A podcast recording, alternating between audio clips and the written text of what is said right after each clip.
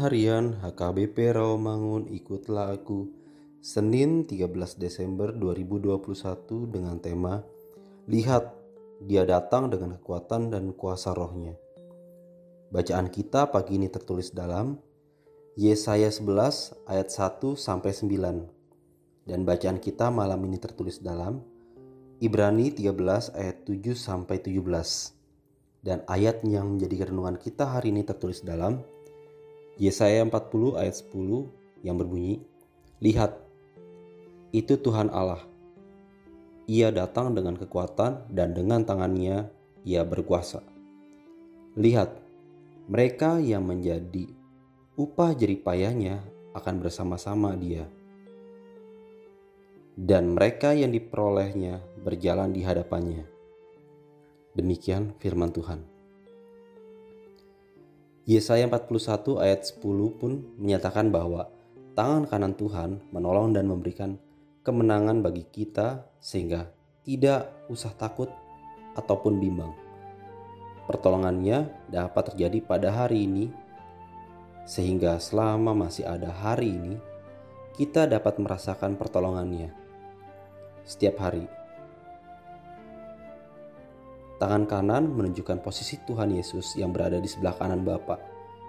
Setelah menaklukkan segala musuh di bawah kakinya.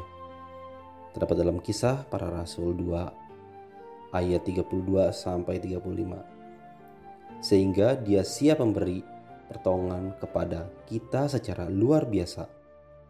Oleh kehebatan kuasa kebangkitannya terdapat dalam Efesus 1 ayat 19 sampai 23.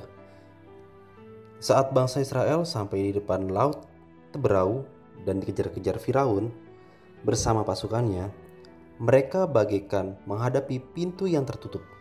Tetapi Tuhan telah membuka pintu itu sehingga mereka bisa masuk dan melewati laut Teberau yang telah dibelah dengan kekuatan tangannya.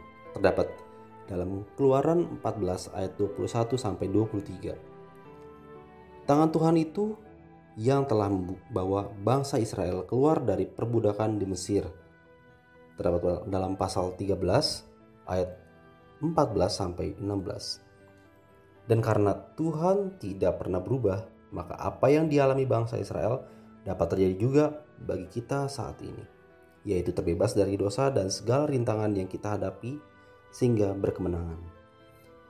Kita tidak usah takut karena Tuhan yang membela dan berperang untuk kita. Kita membutuhkan pertolongan Tuhan karena pada kita tidak ada kekuatan apa-apa. Marilah kita berdoa.